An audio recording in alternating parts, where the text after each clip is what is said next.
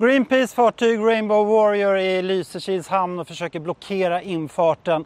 Vad är det som händer just nu och varför befinner vi oss på världens fulaste plats? Det ska vi berätta om i kvällens 2022. Vi är på en djupt olustig plats. Ful! Ja, otroligt ful på alla möjliga sätt. Och dessutom så är denna platsen miljöboveriet Mm. konkretiserat. Verkligen. Det här skulle kunna vara en av världens absolut fulaste platser. Det är ett oljeraffinaderi. Oljeraffinaderi, det som vi pratar om väldigt mycket om nu hemma i Sverige. Preem har två sådana här anläggningar i Sverige och den ena av dem vill man bygga ut väldigt mycket. Och det här är en jätteviktig fråga. Ja, och det fungerar ju som så i Sverige att enligt svensk miljölagstiftning så vill man bygga ut sån här miljöfarlig verksamhet så måste man söka tillstånd för det. Och eftersom det här är en så otroligt viktig fråga, just den här utbyggnaden, det handlar om enorma ökningar av Sveriges utsläpp, så har regeringen valt att lyfta upp den frågan till sitt eget bord för att avgöra den. Och det är ju av stor betydelse vilket beslut som tas. Därför att det kommer påverka inte bara kommande generationers förutsättningar till liv utan också i sak om Sverige ska lyckas nå våra klimatmål, det vill säga Parisavtalet bland annat. Och I miljö och klimatfrågan så är det ju mycket prat om fossil energi. Man pratar om olja, kol, naturgas.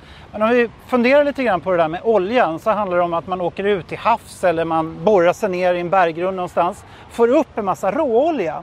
Och den här råoljan i sig är ganska svår att använda. Därför behöver man ta den till ett sånt här raffinaderi där man kan förädla den. Man kan få fram flygbränsle eller bensin eller asfalt som vi står på just nu.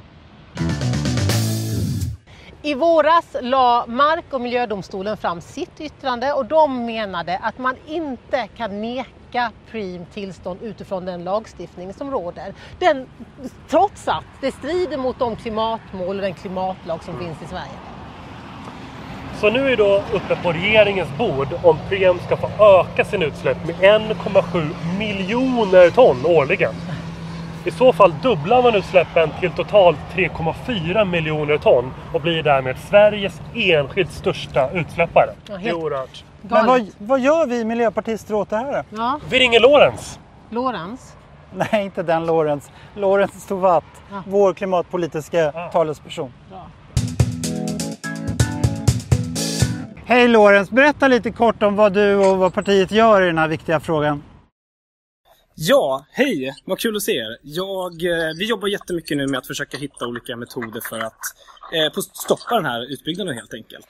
Eh, den går ju rakt i strid med våra klimatmål och därför så kan vi inte acceptera den helt enkelt. Men det man undrar är ju hur kan det ha gått så här långt? Varför har det inte skett ett stopp av detta per automatik? Det strider ju mot de klimatmål som regering och riksdag har antagit. Du, det är en jättebra fråga. Och det är jättekonstigt att vi inte har en lagstiftning som rakt av sätter stopp för sådana här äh, galna utbyggnader. Ehm, skälet är att vi har det som kallas för miljöbalken som är då vår miljölagstiftning. Och den är jättebra utifrån miljöperspektiv på alla möjliga olika sätt. Förutom klimatet. Och det kan man ju tycka är helt galet förstås. Men där är vi idag. Eh, och det är det vi måste ändra på också. Hur gör vi det bäst? Kortsiktigt och långsiktigt? Ja, då är det första som måste ske, det är ju två delar egentligen. Det första är ju att vi måste hitta någon metod för att helt enkelt stoppa utbyggnaden. Och där borde ju Preem själva inse att det här är gårdagens teknik, framtiden är förnybar. Självklart ska vi liksom inte hålla på med sådana här utbyggnader. Ehm, eh, så det är det första, hur kan vi stoppa utbyggnaden här och nu? Det andra är, hur kan vi göra om lagstiftningen så att den faktiskt strävar efter klimatmålen? Det borde ju vara en självklarhet naturligtvis för all lagstiftning. Och det jobbar vi också med nu parallellt. Hur kan vi göra om lagstiftningen så att den går i linje med Parisavtalet och våra klimatmål? Tack så jättemycket Lorentz. Det är, det är verkligen mycket vi måste kämpa med. Både på hemmaplan i Sverige och, och även här i EU såklart. Tack själva! Vi ses! Kämpa på! Hej hej!